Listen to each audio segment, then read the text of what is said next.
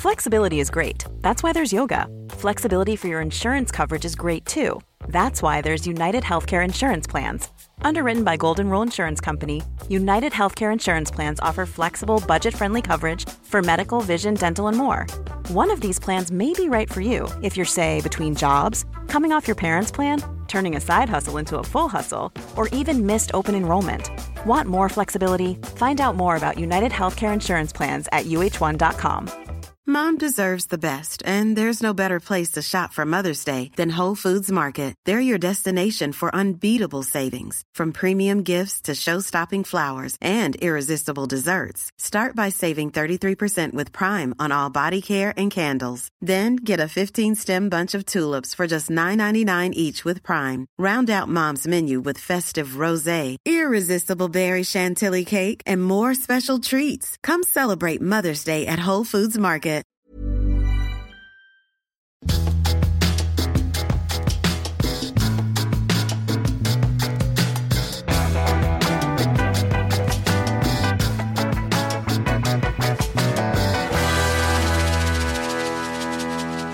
Jag vill bo i en svamp, annars får jag kramp. Hej, det finns hopp för min kropp i en mullig sopp. Hej! Du sjunger den låten ganska ofta. Ja, du sa någonting till mig förut, Anita Schulman, att det är lite signifikant för mitt liv, att jag vill bo i, i en svamp. Hur menar Ja. du med det? Nej men jag tänker att det är så här, det är din tillflyktsort.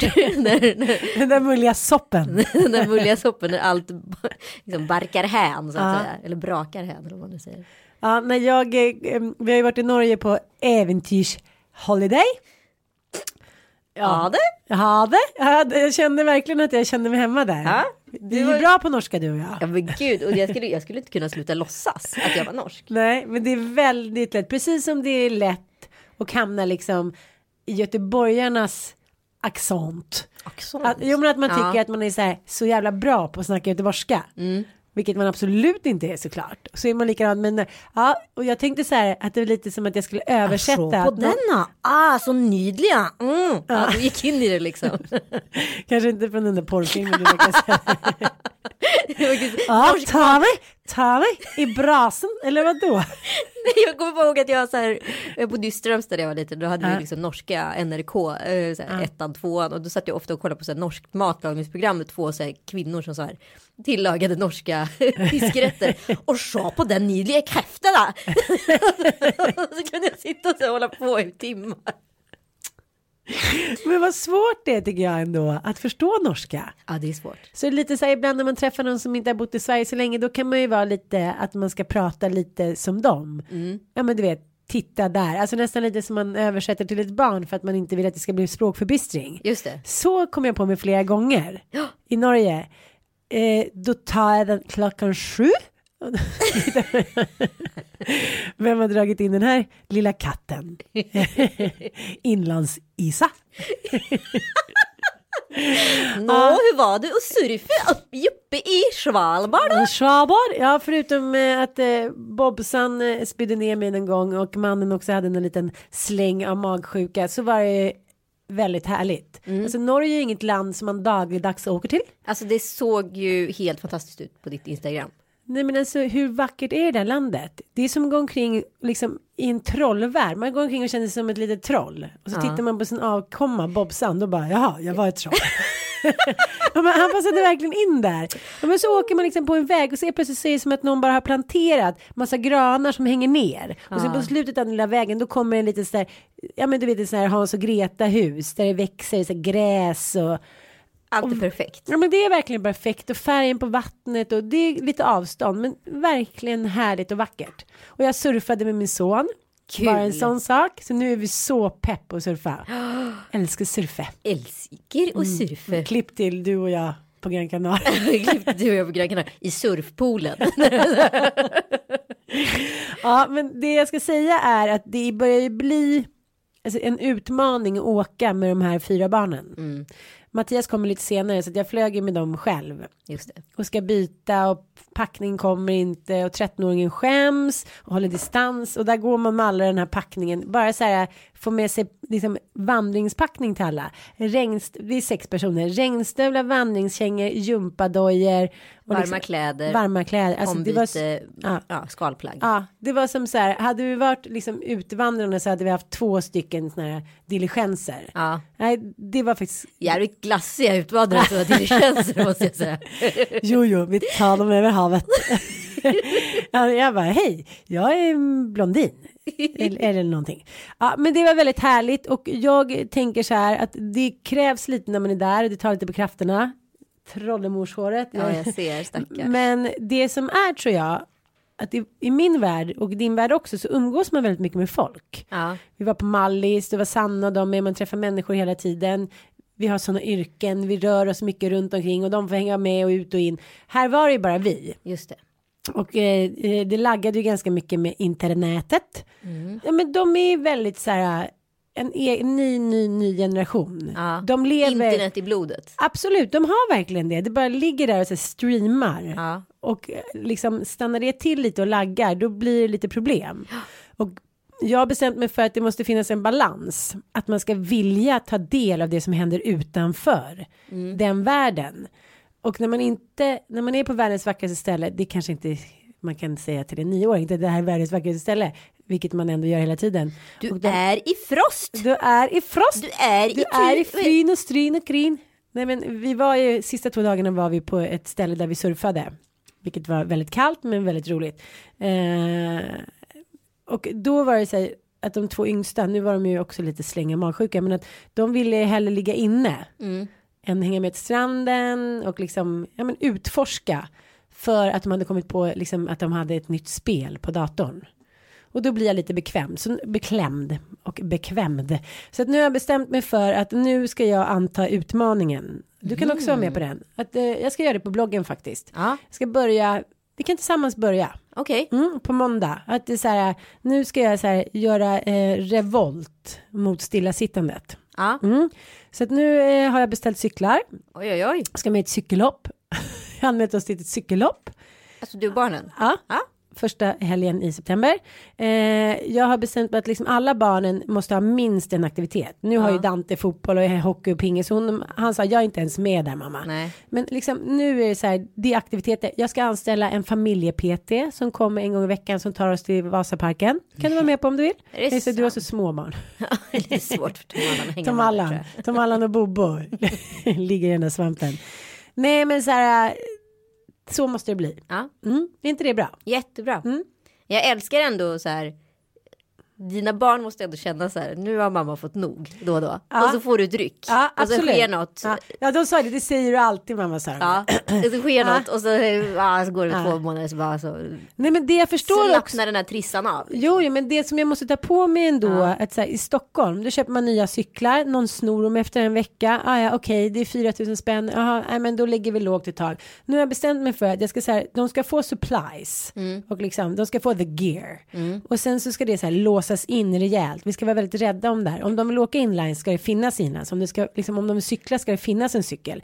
Det är jäkligt lätt att så här, hålla fanan högt och kräva massa grejer när, ja, men som Elon, han vill spela badminton och då Ja. är det nio på lördagmorgnar. Ja. Okej, men det orkar ju inte riktigt mamma. Nej. Nej, okej, och då kan han inte spela badminton för det, det är de tiderna som finns för nybörjare. Jaha, då får jag gå upp med mitt arsle klockan sju och dra upp honom. Så att så här, jag ska liksom eh, leva som jag lär lite mer och eh, de får ställa upp. Mm, men det är jättebra. Eh, för att det är ju också det där med aktiviteter. Det kräver ju någonting utav. Jag pratade med en kompis vars barn alla spelar hockey på ganska hög nivå. Och en annan eh, mamma som vars barn spelar fotboll på hög nivå. De börjar liksom bli upptäckta nu lite grann.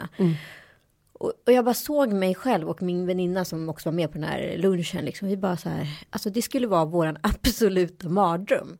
Att barnen skulle bli proffs. För de här föräldrarna, mammorna, är väldigt dedikerade. Den ena är liksom från Norrland, så hon är en ho- hockeymorsa och den andra är så här, fotbollsmamma. Liksom. Men för mig, att så här, förändra hela min livsstil och följa med det här barnet runt på alla de här Ah, olika nej, turneringarna. nej. Alltså det skulle vara, det skulle vara så här, hoppas han bryter i knä, hoppas, hoppas gå till helvete, hoppas gå till helvete.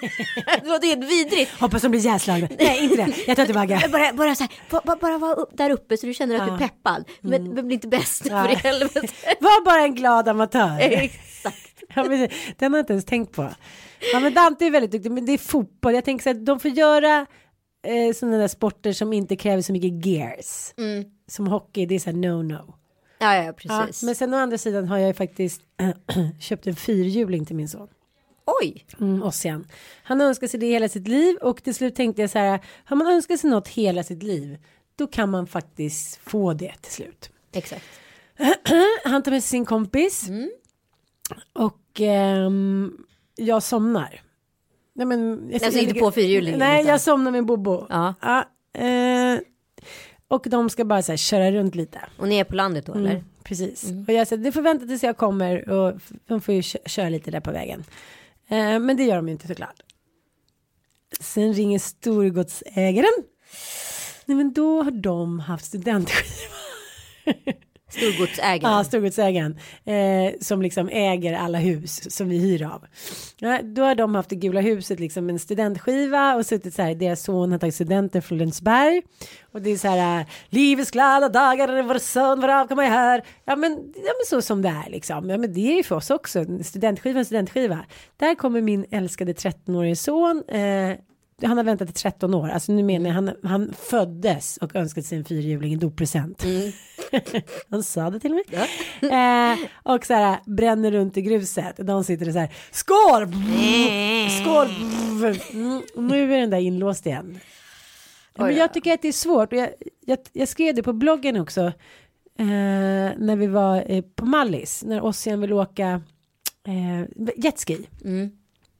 Att det, det är just det här att jag är en ensam mamma till fyra söner. Eller Jag är inte ensam, jag har Mattis. Men när jag är ensam med mina, alla, alla mina barn så är jag ändå en ensamstående mamma till fyra söner.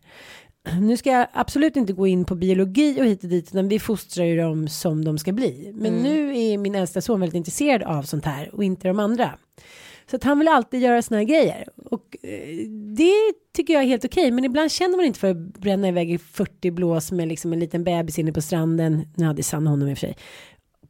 Och, då tänker man så här. Ah, kärnfamiljen kom tillbaka, allt är förlåtet. Att man här, skulle vilja dela lite på det. Och det är lite samma sak när man ska surfa. Alltså, man måste bara vara en äventyrsmamma. Mm. Och det tänkte jag väldigt mycket på eh, när vi la ut, både du och jag, de här bilderna, kampanjen, Ja. Always.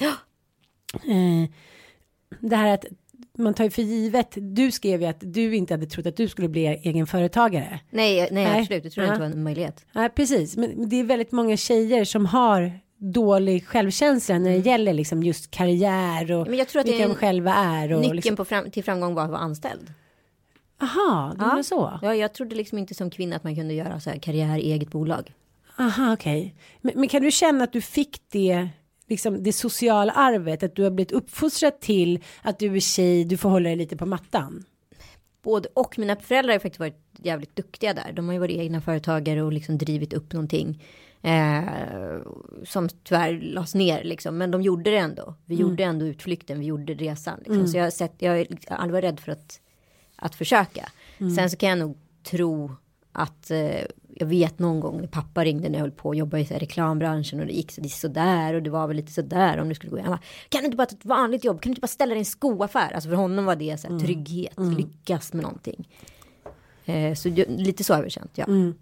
Men jag kände ju att, eh, särskilt att min mamma ville att jag skulle ta studenten och ha en utbildning. Så att jag, jag tänker så här, nu lever inte hon längre och har- varit borta i massor av år. Men att jag gjorde mycket av den resan för att det satt i ryggmärgen. Att, jag, säger- att jag ville liksom utbilda mig så att det skulle finnas där och jag är jäkligt glad över det. Just det här med studentexamen och just med och universitetsstudierna och liksom jag har inte gjort jättemycket sånt men det har varit lite så här Bergs universitetet, Poppius, det har varit liksom Ja, men sånt olika- har jag också, liksom. Ja.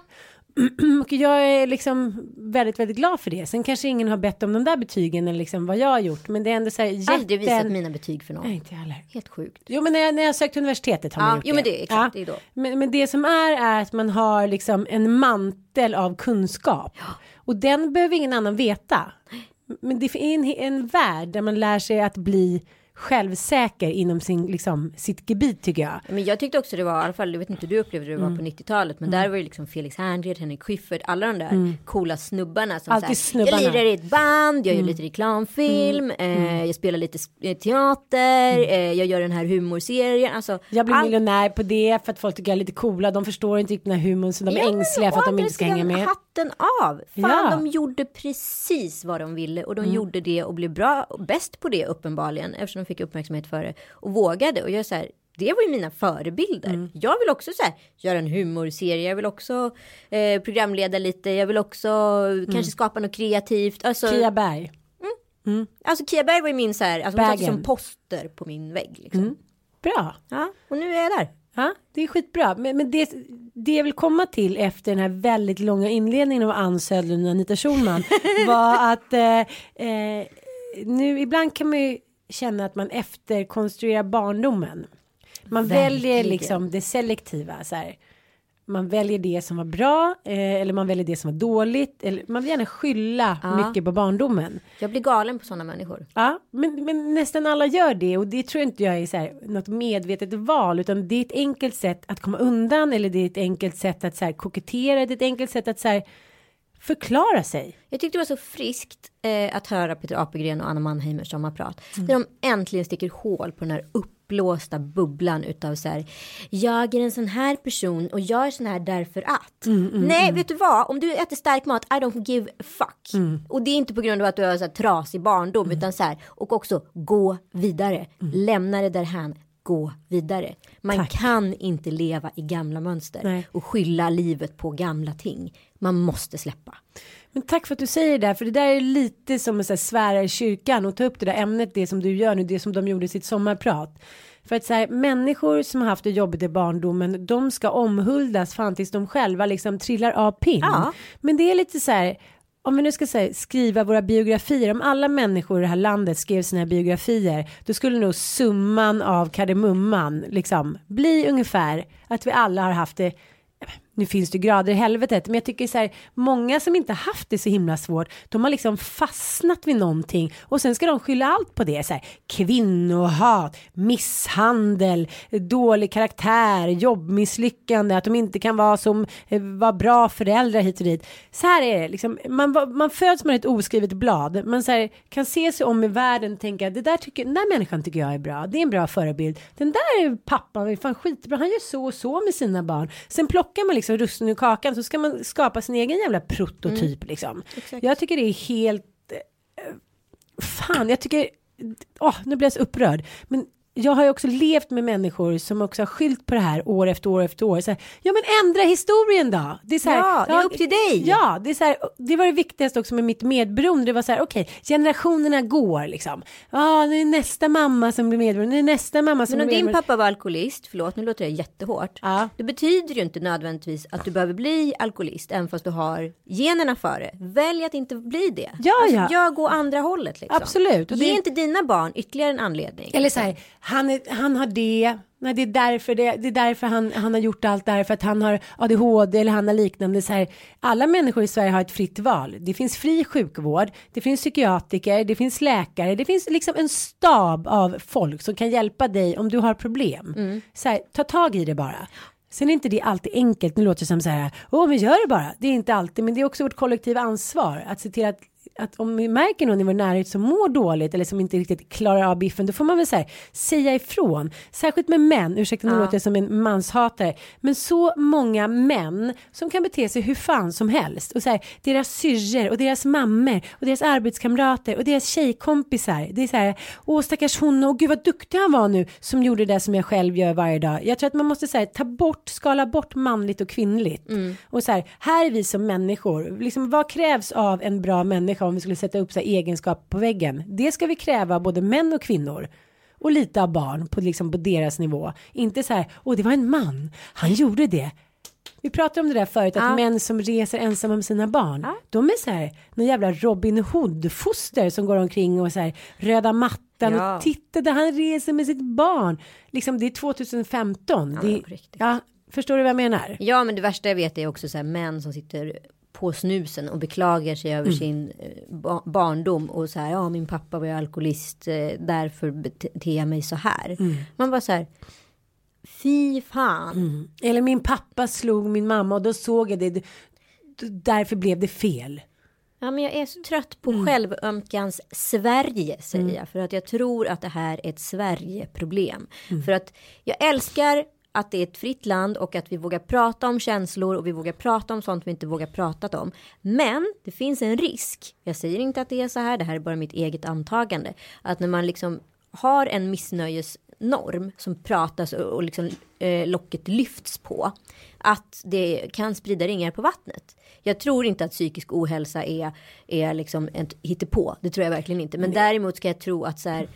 Om jag mår dåligt och pratar med dig om det. Då kommer du ganska fort säga så här. Men jag känner igen det där för jag hade så här. Och så helt plötsligt går vi in i det ämnet både du och jag. Och lever man i en sån värld där man hela tiden pratar om hur dåligt man mår.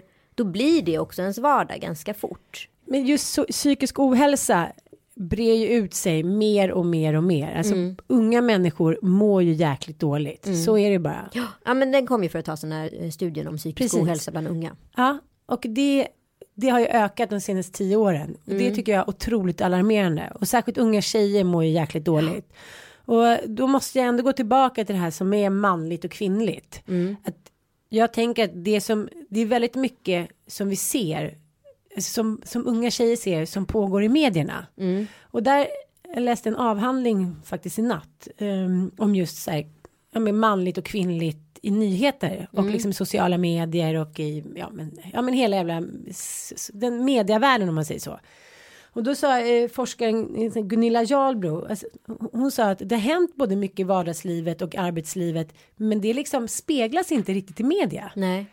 Senaste tio åren har det hänt väldigt mycket där, men media har valt att liksom stanna fortfarande i det här nyhetsbevakningen att män är viktiga och får prata om nyheter och kvinnor får prata om saker de har råkat ut för och känslor och katastrofer. Varför Och, tror du det är så då?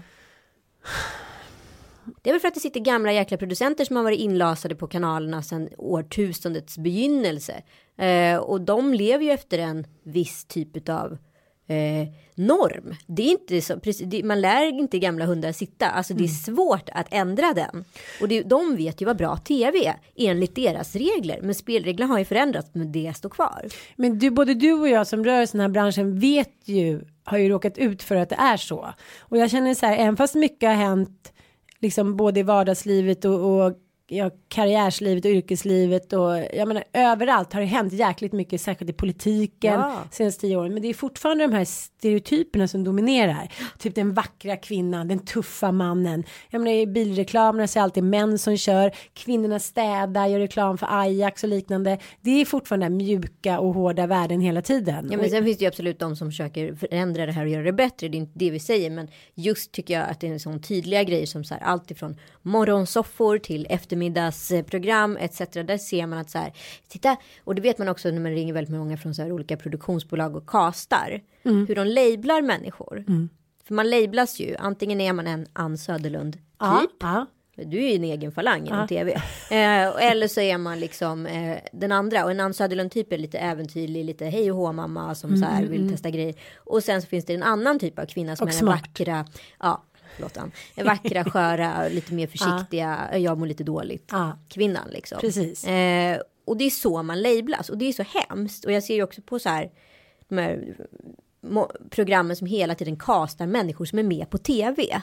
Förstår du? Som redan, nej hon är inte känd nog för hon har en blogg eller hon är inte känd nog för hon har si och så. Det handlar ju inte om det längre. Nej men det är ju väldigt många unga människor idag som har så här 3, 4, 500 000 följare på sina Instagramkonton. Om man nu skulle prata om eh, spridning, vilket tv hela tiden har jobbat inom. Alltså vem, hur många tittare som ser på vad. Då är ju de här personerna per definition mer kända än dig. Absolut. Och jag pratade faktiskt med en eh, ung kille här när vi var i Norge nu om han sa så här. Det är, det är helt otroligt och man kan bara lägga ut på sin blogg och jag har en kompis han la ut och nu har han så här 200 000 följare och hit och dit. Alltså han målade upp vilken fantastisk värld vem som helst kan ta del av. Alla kan vara kända liksom. Det känns så här Andy Warhol 50 minutes of fame. Det är så här, det börjar verkligen bli realitet, på liksom säkert på gott och ont. Men det du säger är jäkligt intressant för egentligen borde de ju då Istället för att kasta mig till typ höstens stora satsning på TV4 så skulle de ju kasta någon av de här som kan sprida deras budskap mycket mer. Men Ja. där tror jag vi har det, traditionella. Tänk dig de som börjar på SVT och TV4 och som börjar på radiokanaler. De börjar ju där, sen lever ju de till döden. Det verkar är det, är det liksom programmakarna eller är det svenska folket som kräver den här tryggheten i en, i en, i en värld där allting går fort? Det är det jag undrar. Ja men det, det som är problemet om tv nu ska lyckas överleva internet, vilket nu är för första gången det börjar se tveksamt ut. Ja. Då måste ju de här personerna, I'm so sorry to say, börja liksom gå i pension eller så här. Pratar om mig då, eller? Nej men byta position för så här. Om internetkändisarna ska kunna rädda tv, då måste ju de in där. Men är mediet redan passerat för ungdomarna? De har ju precis som vi pratade om din son tidigare. De har ju internet i blodet. Tv har aldrig, det har alltid varit ett sekundärmedium för dem. Så du menar att så här, dinosaurierna får stanna kvar på gammel-tv Ja, så länge det håller? gammel Ja, och sen så får ungdomarna hålla sig till sin internätet. Ja, men- ja, det kanske är så det får bli. Ja, det kanske bara är dumt att korsa de världarna. Jag kanske ändrar mig där. Så när typ jag, Gry Forssell och lite andra glada programledare dör, då kommer liksom tv dö ut. Det tror jag. Ja. På riktigt. Uh. Uh, skrämmande tanke. Ja, hon var programledare på sekundärmedietelevision. eh, ja, det kanske inte är så många som har sett henne. Hon har ungefär 25 000 följare på Instagram. Ja, hon är inte så stor på primärmediet. Så det här svartvit. De pratar så här helt plötsligt. men, men det jag måste säga ändå, det som jag tycker är viktigt, det, det är ändå så här. Människor inom media, det blir såklart bättre och bättre. Frida Boysen, det finns massa kvinnliga liksom, förebilder inom tidningsvärlden. Men jag känner att reklamvärlden har oefterhjälpligt hamnat efter. Och de får liksom så fan ta sig i kragen nu. De kan inte debitera heller sådana arvoden Nej, men jag gör. tänker bara liksom om, om, om du och jag skulle sätta oss en kväll tillsammans och köra tv-kväll. Då är det så här, kvinnorna blir så nöjda och glada hela tiden Mm. av, av hudvårdsprodukter, av schampo, av att få grejer liksom. Mm. Medan männen, de är så här, de har fortfarande hjärnan. Alltså det är precis tvärtom. Kolla på vilket universitet som helst. Kvinnorna liksom, vi ligger så här långt framme. Vi har liksom redan gått förbi männen. Men i reklamens värld, liksom, på reklambilderna då är det så här män som gör typiska saker. De, som jag sa, de idrottar, de kör bil. Kvi- Flickor, de är, flickorna är rosa och söta och pojkarna de mörkare och tuffare. Liksom, det är ju en missvisande föreställning liksom, av vårt samhälle Ja. idag. Och så här, varför? Hur kan det bara fortgå? Det är fortfarande fan 50-talet när kvinnor så här var i, i all sorts media, Aller och Hemmets Journal och det enda de var bra på det var egentligen så här var passivt sexuella, var passiva liksom när männen kom hem och så här behaga mannen. Men det är fortfarande samma reklam. Nej men det är det som är så konstigt. Och Ja. kolla också på vi som då råkar ut och får massa PR-utskick hela tiden. Mm. Vad får du hemskickat? Du får hudvårdsprodukter antar jag. Ja, Du Får, blöjor. ja, blöjor. Du Ja, får eh, olika... Inredning. Ja, och Ja. du får också lite så här, ibland får du lite kläder. Händer inte superofta för vi inte nischat oss som modepersoner. Men liksom det är den typen av genre som skickas hem till oss. Mm. Och då kan du få ett annat rosévin om du vill. Eh, under tiden Kalle då, han får eh, alkohol. Mhm, han får liksom eh, prova på grejer när det kommer till liksom eh, allt från snabba bilar till liksom gå på hustak om man känner för det. Alltså han ska vara, alltså det är så stereotyp. Ja, vill köra en snabb bil. Jag vill, vad heter det, gå på Ja, hustak. Varför men- inte jag såna där grejer för? Ja, men det var det jag ville återkomma till. Nu knyter vi ihop säcken. Ja. Jag la ut den här bilden och så skrev jag så här. Jag satt på stranden, tog en bild där jag surfar. Och så skrev jag så här, gå din egen väg och så skrev jag en kort text. Den var ganska fin och slagfärdig, lite så här reklamaktig kanske. När Det man var tänker fantastisk efter. den texten. Ja, ja, men den var väl fin. Ja. Den var väl inte fantastisk. Den var väl peppande. Den var otroligt peppande. Och det var någon som påpekade, för jag skrev så här, jag inledde den här mm, texten då när man skulle skriva om, om, ska vi säga, peppa unga tjejer, kan man säga det? Skrev så här, jag dyker, jag surfar, skrev jag. Och det var flera som påpekade, fan vad coolt att du inleder med det. Det var det första som kom upp i din tanke, så här, en fyrabarnsmorsa. och så tänkte inte jag. Men skillnad från mig så har jag är också uppfostrad då som man säger pojkflicka. Och varför finns det då inte flickpojke? Det borde ju finnas. Men det finns ju. Jo men det finns ju inte så här, det finns ju inte vedertaget Nej, i det är inte ett svenska. vedertaget begrepp. Nej, Nej. det finns så här kärringkast, eh, damcykel. Så här, jag tror man ska börja rensa redan där. Och inte sätta epitet på.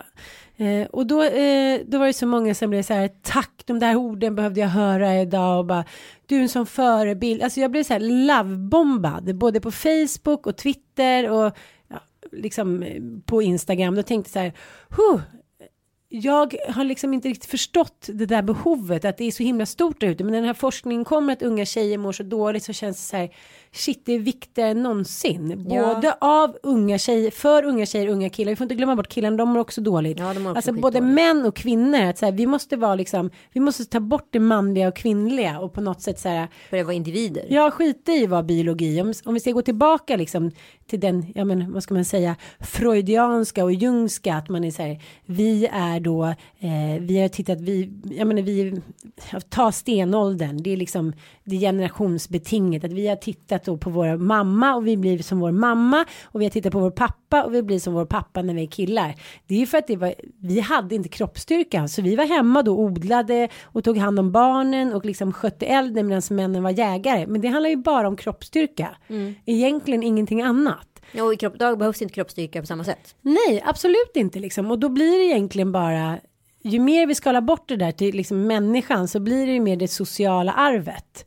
För mig är det väldigt lätt, tycker jag, jag har fyra söner, de har fått liksom i sitt sociala arv att de kan bli vad som helst eller också behöver de inte bli någonting, de är ändå killar. Och då tänker jag att även tjejer får med sig det, men ju mer jag tittar runt, ju mer inser jag att det är verkligen inte så. Nej men det som jag tror är viktigt det är just det här också att man visar att det går att förverkliga drömmar och jag tror ju mindre man tänker på att man ska förverkliga drömmar ju mer förverkligar man dem. Ja. Så många säger men gud du har fyra barn ska du verkligen sticka till Norge själv ska jag göra det själv. Man får inte vara så jävla bekväm liksom. Och då, då tänkte jag på det här med att man ska vara förebild att man ska gå sin egen väg och så var det så himla roligt för jag jag läste, jag, jag ligger och läser. Det var inte hunnit läsa på flera dagar. Då läste jag igår på nätet om Rocky Sylvester Stallone. Ja. Nej, men han var ju och såg en boxningsmatch, jag kommer inte ihåg vilka det var, och blev så himla peppad. Ja, men han var ju så här, en, en, en ung kille liksom i Brooklyn typ som med skådespelardrömmar. Men det gick väl så där. Folk tyckte att han gick konstigt och pratade konstigt. Och det kanske han gjorde med den tidens mått mätt liksom. Här så skrev han typ på 24 timmar eller vad det var, två dygn så skrev han manuset till Rocky 1. Och gick det ju ja, till ett produktionsbolag och sa så här hej eh, jag vill sälja det här och de var så här ja men det var skitbra du får liksom med 50 000 dollar. Han bara nej men jag vill inte ha det jag vill så här det enda jag begär är att få spela den här rollen själv. Annars får ni inte. Så gick han därifrån. Och så gick han tillbaka. Då ringde honom och sa så här, men du får 150 000 dollar. Så han sa, men jag, okej jag tar det. Men då vill jag eh, spela, jag, vill, jag ska vara huvudrollen, jag ska vara Rocky. Och så höll det på, eh, liksom, det där på i veckor. Och några veckor senare så gick han upp. Eh, och då fick han, blev han erbjuden 350 000 dollar. Det var ju ganska mycket, det här är liksom typ, Ja, vad det är är det, jättemycket 25 pengar. år sedan. Ja. Ja. Kaxigt Eh, utav någon att våga säga nej till ja, det. Som inte kommer från. Ja, nej, men han vägrade. Ja, men de vill ju ha hans film, men de vill ju inte ha den här konstiga snubben som pratade konstigt. Med konstigt, superhängande. Ja. ögon och jättestora Ja, läppar. men han liksom, det här var hela hans dröm. Han var tvungen att vara i den här filmen. Han var tvungen att vara liksom the actor till sitt eget manus. Mm. Eh, ja, och så till slut så, ja, efter många så här veckors, liksom, de försökte trötta ut honom och erbjuda mer pengar. Men då, då gick de med på, okej, du, får, du får vara skådis, du får ha huvudrollen, du får 35 000 dollar Mm. och huvudrollen. Och sen så var ju det, sen blev den så nominerad till, så den fick ju bästa film, han blev nominerad till bästa skådis. Nej, men det var väl uppe på Oscarsnivå va? Ja, det var uppe på Oscarsnivå. Han fick liksom massa priser och blev ju så här världens största skådis. Och vet du vad det första var som han köpte? Nej. När han fick sina pengar? Nej, han köpte tillbaka sin hund. Nej. Men Titta, blir, blir jag så här, nej, bara för han är Nej. man. Ja, ja, jag vet. Åh, hans hund. Titta han om ett djur. Han ville ha en bil. Ja, men nu har du gjort det så nu behöver du inte skämmas för det. Men nästa gång. Ja, men i alla fall och då så, eh, ja men han älskar den hunden så himla mycket och så hade han inte råd att, att ge den mat. Så att han, eh, ja då skulle han köpa tillbaka den då. Men då, eh, efter några dagar så såg han mannen som hade sålt hunden till. Och då så, han, han sålde den för 50 dollar. Så han så här, erbjöd honom 100 dollar. Han bara nej, nej, nej. Han visste att han hade blivit rik Ja, ja. och sen erbjöd han honom 500 dollar, sen 1000. Och så till slut så blev han tvungen att betala 15 000 dollar. För den här som han hade sålt för 25-50 dollar. Men då fick han i alla fall sin hund tillbaka. Det tyckte jag var så himla gulligt. Det var gulligt. Ja, det var väldigt gulligt. Nej, men det jag menar är att jag, mitt tips till unga människor, eh, hens, är det här som jag har, har faktiskt anammat lite. Att jag vill gärna ha, inte alltid, men ofta vill jag ha kontrollen över liksom, jag skriver mina egna programförslag, jag skriver mina egna manus, eh, jag kommer med mina egna idéer. Det tar ju lite mer än att bara åka till studion och sätta sig och läsa någon annans. Men eh, det är så otroligt mycket härligare att känna att man har kontroll. Men jag är ju också, jag är precis som du där. Ja. Jag vill ju göra saker och ting själv. Och det är ju både dumslukt, för det tar ju längre tid många gånger. Eh, Men det blir ju också så här, när man väl står med produkten så blir man ju otroligt mycket lyckligare. Så det kostar mer, men det smakar också mer. Jo, Och men nu jag- händer ju det. Ja, men jag tror också så här att när man har kontrollen över liksom sitt eget jobb, då blir det också att man får ett bra självförtroende och man blir stark. Så då vågar man också göra mer saker. Och blir man då som Sylvester Stallone, ja men nekad, då tänker man så här, men någon annan kommer förstå hur bra det här är. Ja, men som Astrid Lindgren, det är den mest klassiska. Ja. Hon gick ju först till Bonniers och skulle sälja in Pippi Långstrump och de tyckte så här, vad är det här för humbug och liksom, det är väl dåligt inflytande på, på barnen liksom. Det här är Och- psyksjuka Ja, flickan. typ. Och sen gick de till, Nord, sen gick de till Nordstedts och resten är historia liksom. Ja. där sitter någon editor, eh, förmodligen inte levande längre. Så det är så här. Bara man tror på sig själv så kommer man lyckas. Så är det ju. Ja, men där har man ju som vuxen ett stort ansvar att säga så här, du kommer lyckas, du kommer lyckas. Det var aldrig någon som sa till mig när jag stödde liksom ett fotbollslag nere i tvättstugan så här, du får inte vara där för att det är, mamma ska tvätta eller pappa ska tvätta, utan jag fick, jag var ju nio år, jag fixade sponströjor och eh, ja, men, ja, men lägerpengar och vi vann ju serien första året liksom. Ja, och jag fick så, Men jag har ju en sån grej nu. ja, Jag började skriva när jag var föräldraledig med Penny på ett manus till en, en komediserie. Eh, som då från början på, liksom, på låtsas hette Schulman som skulle vara liksom, här, en familjedrama med en komisk vinkel och sådär. Sen så skrevs den här om i en annan konstellation eh, och då blev det liksom tre systrar och en mamma. Alltså vi ville lyfta, målsättningen var att jag ville lyfta upp föräldraskapet, mammaskapet, allt det där liksom. Eh, och så gick inte den heller den liksom, skrivkonstellationen eller vad jag ska säga.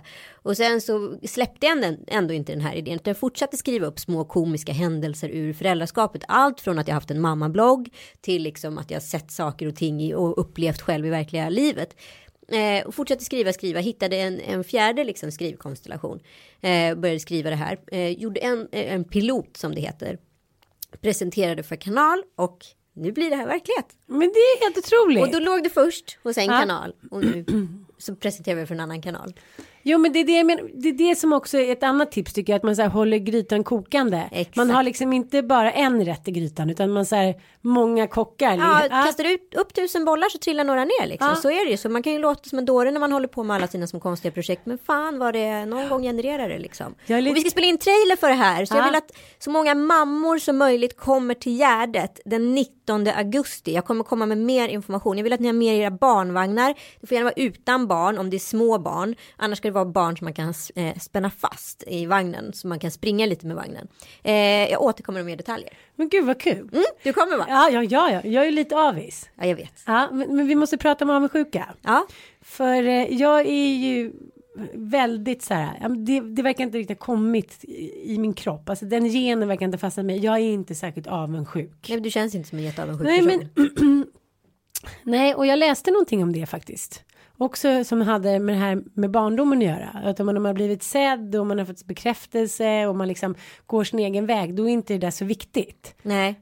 Men eh, samtidigt kan jag förstå att avundsjuka kan leda någonstans. Det har det gjort för väldigt många. Jag menar, kolla varenda självbiografi. Väldigt många som har lyckats och är så här. Jag skulle visa dem eller jag skulle visa min mamma. Jag skulle hjälpa min mamma. Det finns en revanschlusta i att till exempel ha blivit, blivit av med en förälder tidigt. Att det, det, liksom man har fått sätta sina egna spelregler. Men Det- kan, det som kan vara bra, jag som då är lite mer avundsjuk än vad du är, det är ju att så här, även fast man kanske inte, jag är inte speciellt långsint, så jag har Nej. liksom inga, inga liksom mediebråk eller sådana grejer. Däremot kan man eh, projicera massa grejer på en person bara i psyket. Så, så här, jag ska minsann visa för den människan. Alltså du vet så. Ja, jag fattar, jag fattar. Så det kan bli en pepp. Ja, men, men det, jag känns ju väldigt konstig där för att jag klarar ju inte, jag är världens sämsta förlorare. Ah, Förstår du jag menar? Så jag ah, måste ja. ju vinna. Men just den, den där, sådana där saker när jag inte Ja, du vet, jag har ju också skrivit liksom. Men du har ju det ja, är men ett lika- avundsvärt liv. Jo, jag vet, men jag, det jag kan känna är för att Martina Haag sa i någon intervju och jag bara fastnade för det. Hon sa att avundsjuka är den bästa drivkraften. Och så tänkte jag så här, det kan det säkert vara. Men det är också så här, det som föds ur avundsjuka blir ju någon form av liksom kamp. Så här personlig vendetta mot till exempel en förlorad barndom eller någon kille som har dumpat en eller liknande. Och då tänker jag att när man har kämpat så mycket mot ett så här hjärnspöke så kan det falla platt när man väl hamnar där. Men för jag och eh, Karin Adelsköld och han Hedlund har också hållit på och skrivit. Alla har på och skrivit på så här tjejsketcher Ja, ja visst. och tjejserier hit och dit. Ja, vi gjorde för Baluba och vi spelade in eh, en serie så, så gjorde vi om det så det blev lite mer mammalikt för det ville kanalen ha och sen kom det där höga klackar. Ja, just Och det. bara, du vet, och då var det så här tjejhumor. Mm. Det här är tjejhumor per definition, inte män. Precis. Mm. Och det är inget fel med det, det får det gärna vara. Men då tänker jag så här, jag blir så himla glad för din skull. Ja, vad kul. Men jag vill gärna vara med på det. Det kan vi nog lösa. Okej, bra. Nej, men jag är, jag är så himla glad att nu har jag egentligen gått igenom att det var du. Men jag är så jävla Ja. glad för det här, det låter, man låter ju tossig, man bara säger vad är hon egentligen? Men det är det som är grejen, nu har jag ju blivit Felix Herngren. Ja. Nu har jag blivit honom. Det var Ja. han som var min förebild, eller Henrik Schyffert. De gjorde det där som de ville, tyckte var kul och trodde på sig själva som fan. Och nu har jag kommit dit. Och vad är jag? 37 år tog det mig. När jag var 20 någonting, när jag verkligen ville, då hade jag inte självförtroende. Nej, fanfar. Dun!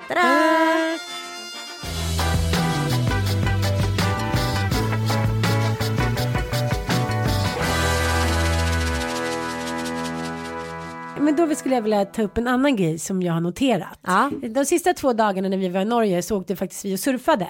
Och då var vi i Hoddevik. Ja. Som ligger liksom eh, bland de vackraste ställen jag någonsin har sett. Det ligger liksom i en dal, man kan inte komma vidare, det är en udde, det är berg, det är strand, det är liksom hav, det är ljus. Alltså, tänk dig Skagerrak på syra typ. Ja, exakt. helt fantastisk. Och där kommer vi då eh, sent en kväll, vi har rest länge, vi har inte ätit någonting, vi är jättehungriga. Och så kommer vi fram och så säger de, ja vi har stängt nu. Klockan Mm. sex. Jaha, okej. Som tur var så kom eh, våran kompis lite senare så han kunde köpa med sig pizza. Och så sa men gud vad bra. Och sen var det, då kan vi käka här på restaurangen imorgon. Då sa de, men, men vi har stängt måndagar och tisdagar för vi behöver ta igen oss. Eh, Jaha, sa jag, vad ska vi göra då? Ja, men ni får åka och handla, så ni får låna köket. Och de var ju jättegulliga, så det var ju liksom inget mer med det. Det här är någonting som jag har tänkt på när jag har rest runt, liksom i sommar-Sverige också. Nu var det här Norge, men just i sommar-Sverige är att det finns ungefär två och en halv månad av högsäsong. Till exempel, vi tar Gotland då. Ja. Och, eh, och så när man kommer dit, då är det så här, då har de inte öppet till exempel på söndagar. Nej. Eller stänger så här, klockan vilken fyra. svensk småstad som helst när som helst. Jo men jag förstår så. inte det. Så tänkte jag på min eh, gode vän Max Landegård. Och så skrev han så här, upp Facebook-uppdatering. Vakna upp med något som såg ut som en blandning av fågelskrämma och Nick Noltes mugshot. Och har med ljus och lykta sökt frisörer på mellersta Gotland. Desperationen stegrade. Mot slutet hörde jag mig själv försöka övertala Hemse vårdcentrum damfrisering att under en halvtimme. Nej men vänt nu, vi är stängt. Du får vända. Allt är stängt på Gotland på lördagar. Det blir också så här samma sak. Och då undrar jag så här, är det vi som är högfärdiga som kommer dit och kräver av dem att de så här ska öppna upp för att nu kommer stockholmarna? Eller är det bara så här slött? Jag kan inte bestämma mig. Ja, men jag är ju så jävla arg på det här va? och jag får skit på bloggen för det här. Men det Aha, struntar jag okej. i. Ja. Nej men för jag tycker på riktigt att det finns ett fel i Sverige. Hela Sverige checkar ut under ungefär två och en halv månad, det vill säga tio veckor per år, det vill säga en, ungefär en femtedel utav året så funkar ingenting. Speciellt när man sitter i en renovering som jag gör så har det varit extra drabbad utav det här. Saker och ting som inte har skett innan första juli. Nej men det är framflyttat till så här 15 augusti. Och då betyder det att då skulle det helst skett i juni då. Nej, men vi tar det efter semestern. Man bara, vadå tar det efter semestern med mitt hem, mitt liv då? Jo men Hur kan man bara lägga ner?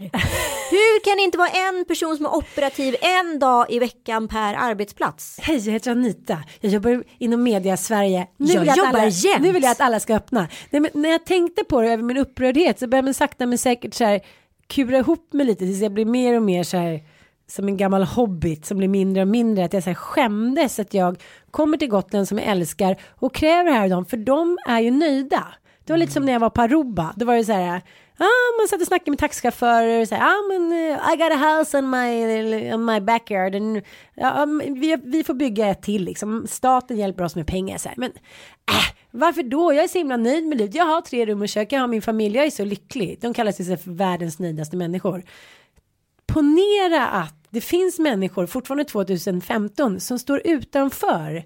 Liksom jag måste fixa råttan i hårbotten på lördagar klockan fyra. Mm. Som vill så vara med sin familj, dricka en kopp kaffe, en skörpe. Det är Förstår inte du? det jag säger Ann. Jag tycker bara det är konstigt att man checkar ut på sättet man gör. Och alla ska, det är precis som vi pratade om att man kan inte gå från ett tillstånd till ett annat. Nu ska jag vara härliga semestermamman som bara är så här boho när jag är chef på jobbet. Förstår du vad jag menar? Jo. Utan jag tänker att man kanske borde ha öppet en dag i veckan i alla fall. Jo, jo, men det är samma sak. Om du och jag skulle flytta till Gotland. Ja. Tänk om vi gör så ett experiment. Du och jag Mm. flyttar med våra barn och våra män till Gotland ett år. Vi ska Mm. jobba som vanliga knegare. Vi går till ICA. Ja. Eh, eller knegare. Vi ska ha ett, ett jobb. Ett sånt jobb som alltid finns och som alltid kommer finnas. Vi jobbar på ICA du och jag. Ja. Ja, då är det lördag. Då stänger affären klockan fyra. Då kommer vi vara där ifrån den affären klockan en minut över fyra. Sen kommer Anita, Aka, Lena Pettersson från innerstads, liksom någon tidning som så här, ska ta någon bild på Almedalen som så här, måste locka håret. Eller så här, köpa typ chips och dipp för de ska ha det på något event. Och bli skitirriterade. Så här, vad fan kan du inte öppna? Klockan är bara två minuter över. Du skulle gå hem till din familj eller ner på stranden eller göra någonting. Du skulle skita i fake Anita Schulman som vill ha chips och dipp. Och det vet jag. Absolut. Ja. Däremot tycker jag att Sverige har en ganska dålig arbetsmoral. Nej men vad fan är grejen liksom. Jo, men alltså tänk dig själv när man var liten och åkte på charter. Man åkte så här till Spanien och Italien och mellan ett och fem så stängde alla butiker. Då skulle man gå från stranden och sova siesta. Det går ju inte längre i den uppkopplade världen. Då kommer man ju oefterligt, liksom hjälpligt efter. Och jag tror att det är väl lite samma sak här. Men det är ganska befriande att det fortfarande finns människor som skiter i det. Men då tänker jag så här, the fittest survive. Ja, men det så blir här- lite Darwin. Det Ja, blir ju det. Gotland är gammel-tv Ja. Och Ibiza är internet. Jaha, brukar du svänga ofta du Carolina Gynning är på Hobo Ibiza-resa? Jajamän. Jag bara skojar. Nej men förstår äh, du, där är vet. ställena öppna dygnet runt och alla Ja. hjälper till och alla är så här, ja vi behöver inte vara så himla stiffa ändå. Du måste prata om en grej som jag har stört mig så sjukt mycket Ja. på. Okej, vi lämnar det där nu. Men Ja. jag tycker att det där är väldigt intressant. För det är så här, hela tiden tycker jag livet handlar om Internet är alltid öppet. Ja, men lev då på internet. Jag gör det. Closure the deal. Anita Internet Södlund. Åh. Nej, jag måste prata om en grej. Så Ah, ah. Det finns två saker som jag verkligen haft spaning på. Det var otroligt skönt. Vi tänkte först när vi hade så två veckor i Sverige och bränna. Vad ska vi göra? Ska vi åka på Sverigeturné? Ska vi dra på en charter? Ska vi göra någonting spontant sista minuten? Och så bara nej, vi vill bara vara hemma. Vi vill bara vara hemma och bo i vår lägenhet. Och det är så jäkla härligt. Och bara njutit, haft hemmamiddagar och bara, ah, ja, det var fantastiskt. Vi var på en hemmamiddag. Ja, Ja, det var det ju. Det var väldigt Det roligt. spökar lite. Herregud, nu måste vi ta upp det. Jag har tänkt på det. Nej, men vi måste ta upp det. För du vet, du vet hur jag börjar tänka. Så här, Ja. Planterar hon där? Håller hon på så här? Håller hon på att liksom dribbla med min hjärna med den här stille? Kort berättar vi för er som inte har lyssnat. Eh, att eh, Penny är ett orakel. Nej men du får berätta, berätta kort. Nej, men min dotter eh, har sett lite, hon har lite känsla, feeling för spöken. Jag vet inte om jag ska tro på det eller inte, men jag, jag tror på det för det är så Men du hade också det när du var liten. Men Ja. det själv dog eftersom du inte blev satt i någon spökskola. Nej, jag har inte satt i någon, eh, spökskola, Och nu undrar du lite så här, vad gör du med de här talangerna som vi kan kalla dem? Ja. Mm. Och där har vi pratat om podden, att eh, Penny Schulman har träffat en ny lekkamrat i deras nya lägenhet som hon kallar för Stille. Och det är kanske inte så här värde, nu när jag varit i Norge så kanske jag inte hade blivit lika förvånad om någon hade sagt så här, här bor Stille. Men Stille, det är själva namnet att en fyraåring säger det var Stille som målade på väggen. Ja, d- den är ju liksom, ja den är lite Ebba Witt-Brattström professor på den. Ja, exakt. Vi kommer hem till er. Vi har en väldigt trevlig parmiddag, Mm. eh, vilket man älskar. Eh, barnen, dina barn sköter sig ganska bra. Eh, Bobo ramlar ner från er jättehöga säng. Varför ska ni ha så här Titanic hög säng? Det är skönt det. För att inga barn kan komma upp. Ja, men allt flyter på. Vi har väldigt trevligt. Ja, vi, säger, vi passar ihop. Ja, vi äter gott. Kalle lagar jättegod mat, dricker lite bubbel hit och dit. Men hela tiden så är det Kalles telefon. Som så här, ramlar ner från typ nedrammelsäkert ställe. Det ligger på ett plant bord. Ja. Tre gånger under kvällen. så åker den här telefonen ner framför våra ögon. Och det är precis som att liksom en osynlig hand puttar ner den. Ja, då hör man också Penny som bara, det var stille, lite för sig själv typ. Tänkte du på det? Ja, ja, ja, ja. ja. Bara, du och jag kollade på varandra. jag och Jag sen- vågar inte ens adressera det längre för det är så weird. Vi var ute här om kvällen. Jag åkte hem lite tidigare för att jag ville lösa av barnvakten och sen så dels vet jag att det var min morgon att gå upp så då tänkte jag jag orkar inte vara ute och bli trött och sådär. Så jag gick, kom hem vid 12 och gick och la mig och låg och kollade på tv i sängen så kom, öppnas dörren, stängs så går in några steg så jag börjar prata med Kalle. Ingen kommer. Nej men jag orkar inte. Ingen kommer. Jag går upp, kollar, tänkte så här, man måste gått in på liksom, gästtoan. Kollar, ingen där. Och ringer Kalle och frågar, är du hemma eller? Han bara, nej jag är ute. Ja, så det var ingen som var där, helt enkelt. Ja, nu ska vi släppa det här Ja, spökerierna. för jag tyckte, men vi måste, för det här är ju ändå intressant. Det är ju en väldigt vänlig stämning i lägenheten. Ja, men jag var inte rädd då nej, heller. Absolut inte. Du var inte rädd då heller? Nej. Nej, för jag tänkte när jag skulle så här, amma mitt sjuåriga barn på en soffa där när han vägrade somna. Hur det kändes som att någon la på mig den rosa filten. Mm. Kanske stille. Kanske still. Ja, men hur som helst, det är Men ingen, det är oerhört ingen bad, spännande. eh, Men jag tycker så här, om, om vi alla kunde ta till oss den här världen lite mer så kunde livet bli lite roligare om det inte fanns en sån stor rädsla i det liksom. Eh, för det här är, men det kanske finns goda och onda spöken. Stille verkar inte vara. Nej men alltså det är ingen bad feeling någonstans. Jag förra googlade- lägenheten hade, hade man ändå lite bad feeling. Liksom. Ja, ja, men jag googlade ju på Stille. Ja. Ja, men det, Stille bodde ju i det där huset. Mm. Ja, det var ju familjen Stille har ju liksom. Byggt Tessinparken. Ja, precis. Okej, Okej, okej.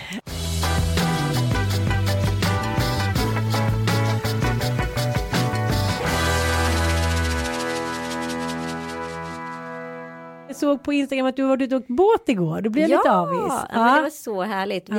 Kalle skulle egentligen jobba på eftermiddagen och allt det där. Eh, och sen så blev den inspelningen inställd. Så vi fick eh, förfrågan från några kompisar att komma och åka båt med dem. Och då gjorde vi det och åkte ut till Jungfrusund som har varit liksom på riktigt. Vi fick förfrågan att komma och åka båt Nej, med några sluta! vänner från Arnö. För en förfrågan, vi tackade ja, vi kryssade i rutan ett. Okej, vi ja, tar om ja. det där. Aldrig att vi tar om det där. Fortsätt nu med din Oh. kryssningshistoria. Ja men det var i alla fall någonting som jag kom att tänka på när vi åkte båt. Eh, Ja. Som blev intressant i en parallell till en annan grej som hände lite tidigare i veckan. Det var att alla var väldigt trevliga mot varandra på sjön. Det vink- Hej hej! Alla det vinkades vinkar. även om det var så här 150-200 meter bort liksom så så här tjo och tjim och hej och hå. Det är ett gammaldags Sverige. Det är som en gammal journalfilm. Det var ju på låtsas. jag säga. Tira grabbar, upp med handen i Silvia-vinkning och alla är så glada. Men är man extra lycklig ute på Men sjön? det kanske man är för det är inte så svårt att bli med tanke på hur härligt det är. Men sen så åker man då i bil Eh, och folk gör fel inklusive en själv i trafiken.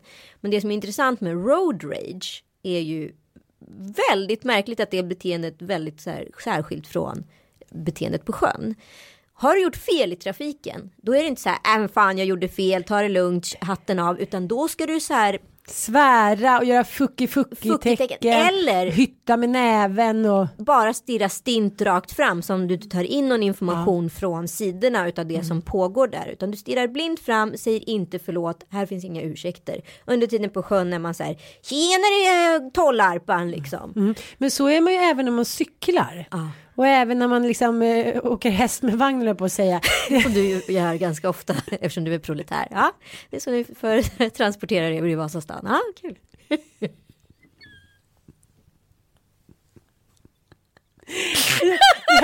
Jag bara Nu ser är mig du själv. droskad hit, är det därför du alltid är sen till inspelningar? Idag var du sen. De två senaste gångerna du var Ja, sen. faktiskt. Då Jag blir aldrig jag- arg. Är inte det härligt att ha en som aldrig kommer bli arg? Du Jag blir aldrig arg på dig. En gång. Ja, Fast men det då var var tekniken. att du hade Ja. glömt utrustning. Nej men jag älskar, det är skitbra tv-serier, så här, att vägra så här, anpassa sig. Jag är så här anproletär. Nej, jätte- du är inte ens proletär, du är amish. Kan, ni... kan inte jag få vara den mamman? Jo, absolut. Amish. Alltså, jag, säger, jag går och handlar, jag har mitt barn, jag, säger, jag har 14 män. Nej, tvärtom. Fan, det är alltid tvärtom. Det är alltid män- tvärtom. Åh. Okej, men då vill jag vara amish Nej, men det är intressant, jag åkte hiss med en person häromdagen. Ja. Eh, och då säger jag hej till den personen. För jag tänker mer att säger man ett hej så har man neutraliserat en stämning. Ett syrebad liksom. Eh, men den personen svarade inte.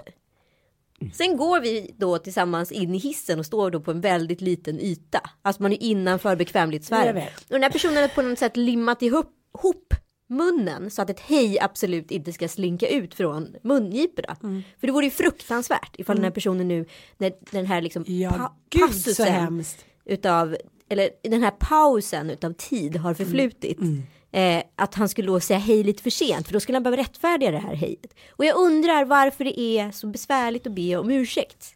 Ja, men är det inte det att, att svensken har fått huka sig i så många år, stå med myssen i handen för patron.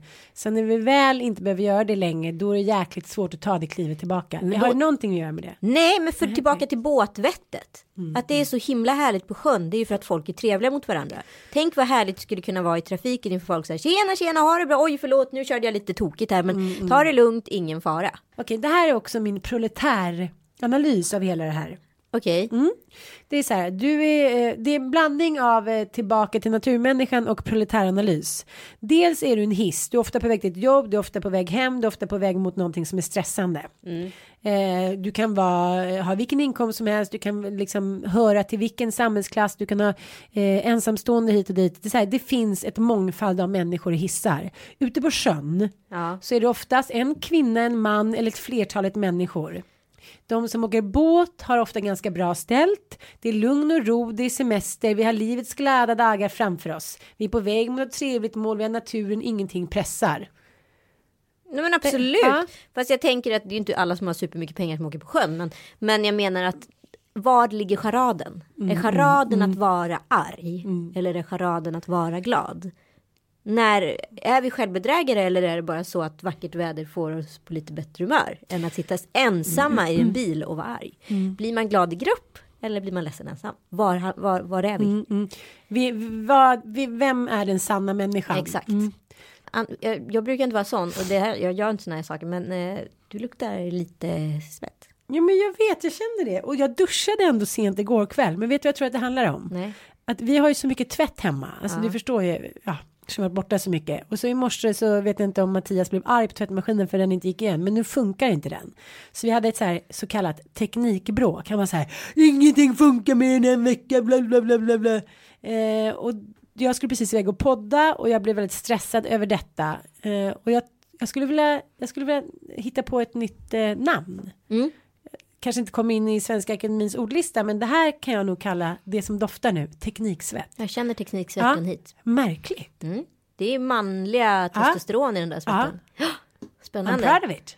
Proletariat. proud of it. Snart är det lite Ja. hår där också. du, vi har en jättebra sponsor som heter MySafety. Ja. De har i alla fall fått mig att uppmärksamma någonting. Så jag tycker på riktigt att det här är ett samtal. För att eh, har du tänkt på hur många gånger, hur många gånger på riktigt har du blivit av med liksom eh, bilen, båten, alltså mobilen, nycklar jämförelsevis med hur många gånger som du får skit på nätet. Alltså om du ställer det i paritet Ja, så är det ja, ju liksom ganska speciellt. Ja, absolut. Så att det är väldigt intressant hur mycket pengar man lägger på försäkringar för att liksom skydda egendomar utav Ja. fysisk form. Men så många gånger oftare som man liksom blir nu ska inte jag säga att man blir attackerad eller utsatt för det kanske inte händer igen. Men man åtminstone får ta skit på ett sätt av internetkapning, stölder etc. på nätet. Mm, Absolut. Alltså allt från Som så här, min pappa då. ja, Och även, nej, men jag har också råkat ut för det. I en stor SIFO-undersökning som MySafety har beställt visar det sig att plånbok och ID-stölder faktiskt ligger i topp tre när det kommer, eh, när det kommer till liksom, saker som människor är rädda för att bli av med. Eh, och det anses faktiskt vara värre än inbrott och brand. Intressant. Är det sant? Ja, Wow. så tänk på det. Jag tycker i alla fall att MySafety är ett bolag som bör kollas upp. Så gå in där och Ja, men kika apropå på det deras så tjänster. fick jag panik igår. Jag glömde min dator Nej på surfläget. För att barnen har ju min dator hela tiden. Så ska vi iväg snabbt och vi måste hinna med färger och hit och dit. Så den är borta. Och vet du vad jag tänkte då? Nej. Ja, men det var ju mycket värre. Jag tänkte så här, att bli av med telefonen och datorn är ju så här värre än något annat. Jag har ju hela mitt liv i dem. Ja, ja visst. Liksom, jag menar en bil, ja ja. Alltså där har ju inte jag mitt liv, men det har jag i min telefon. Utan dem, jag är ju typ bortkopplad. Mm. Så det är ganska intressant. Det är också någonting som man kanske inte riktigt har hängt med när man tänker på det, precis som det här med manligt och kvinnligt. Ja. Men det här med manligt och kvinnligt, jag tror så här, om vi också vågar prata om det som det är, vi som är kvinnor, att vi hela tiden så här skyller på männen, att de är si och så, och de tänker bara med lilla huvudet och de, eh, ja, de förstår inte, det, kan, det gör ju vi också i den här podden. Vi tänker Ja. så här, det fattar inte de och nu blir han så sur på den här tekniken, det vill bara sätta igång, alltså vi vill gärna så här etikett, liksom etiketta männen. Att de är lite så här Rudolf. Ja. Ja. Då är vårt ansvar att sluta med det. För jag tänkte på en grej som var lite lustig igår när vi kom hem från Arlanda. Då stod vi där och väntade på alla väskor. Vi hade 500 väskor och vagnen som kom sist. Så vi fick ju stå där ett tag. Då har vi hängt upp sen nya eh, ja, men fotografier på kända svenskar som vi själva fick rösta om. Då är det alla från så här Petter till eh, Josefin Bornebusch till eh, Jonas Gardell och en kompis till mig som är designer, Emma. Och då är det så himla roligt att det första jag tänker på är så här Ja, honom har jag legat med, honom har min kompis legat med, eh, henne känner jag. Så, så här, och så gick jag därifrån och tänkte, men gud, jag är så här värsta snubben. Jag tycker så här, det är coolt att jag har så här legat med någon på en av bilderna. Då tänkte jag så här, sluta skyll på att männen pratar så där. Jag var likadan själv. Men jag säger det, kartan håller på att ritas om. Mm, Vi är ju likadana som män. Vi måste sluta prata om oss som kön ur liksom många sociala perspektiv. Men jag känner mig som en brölig typ tonårsgrabb. Jag bara, honom har jag legat med. Men det jag menar, om man så här, vågar prata öppet om sina drifter och bedrifter. Då kommer ju också unga människor se att det är inte så himla olika liksom, i könet. Och det finns ju även sådana, så jag tänkte på min pappa som kanske var på en fotbollsmatch när jag var liten. För mig är ju kartan väldigt mycket kvinnor under så här 70-80-talsuppväxten. Mammorna tog hand om barnen, mammorna var på fotbollsmatchen, mannas, mammorna såg till omsorg och liknande. Så är ju inte kartan alls nu. Nu är det liksom till männens favör tycker jag. Det är ju minst lika, det är, det är både mammor och pappor på fotboll, det är både mammor och pappor på skolavslutningar och klassträffar hit och dit. Jag tycker att det där verkligen börjar bli jämlikt. Ja, det är jättespännande. Och det är ju Eh. bara som när man var hemma med Penny eh, för Men- fyra år sedan och gick på öppna förskolan. Då var det ju liksom 90% mammor där. Mm. Nu när jag var på öppna förskolan med Tom Allan, då skulle jag kunna säga att det var ungefär 30% mammor där. Samma sak på Söder. Mm. Jag bara, jaha, nu är man så här, man är minoritet. Och det har gått jäkligt fort. Och det tycker jag vore otroligt bra att uppmärksamma också. Att vi så här, att man uppmärksammar det också, inte bara det som är negativt. För det är jäkligt mycket som har blivit bättre. Men jag känner så här, ta, liksom, ta ert ansvar, media Sverige, för att visa det här. Nu ska jag utmana det. Vi ska lägga ut en bild om dagen. De närmsta två veckorna. Eller närmsta veckan kan vi ta då. Eh, sju dagars utmaning där vi visar att det börjar bli ett mer jämlikt och jämställt Sverige. Vi börjar idag. Och då skriver vi det så här, lille lördag, jämlikt, Ja. nya Sverige. Nya Sverige. Ja. Och ni som lyssnar är också Ja. med. Hoppas ni har gillat den här extra långa bjussiga liksom, sommarpodden. Eh, vi ses som vanligt nästa vecka. Och eh, glöm inte att hashtagga och sprida ordet. Vi älskar er, hoppas ni gillar oss. Blod, svett och tårar.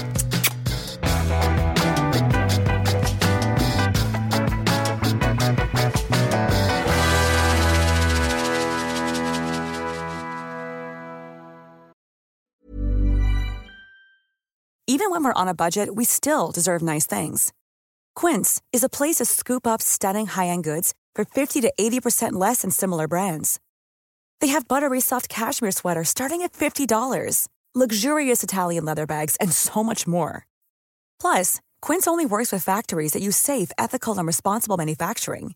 Get the high-end goods you'll love without the high price tag with Quince. Go to quince.com slash style for free shipping and 365-day returns. Mom deserves the best, and there's no better place to shop for Mother's Day than Whole Foods Market. They're your destination for unbeatable savings, from premium gifts to show-stopping flowers and irresistible desserts. Start by saving 33% with Prime on all body care and candles. Then get a 15-stem bunch of tulips for just $9.99 each with Prime. Round out Mom's menu with festive rosé, irresistible berry chantilly cake, and more special treats. Come celebrate Mother's Day at Whole Foods Market.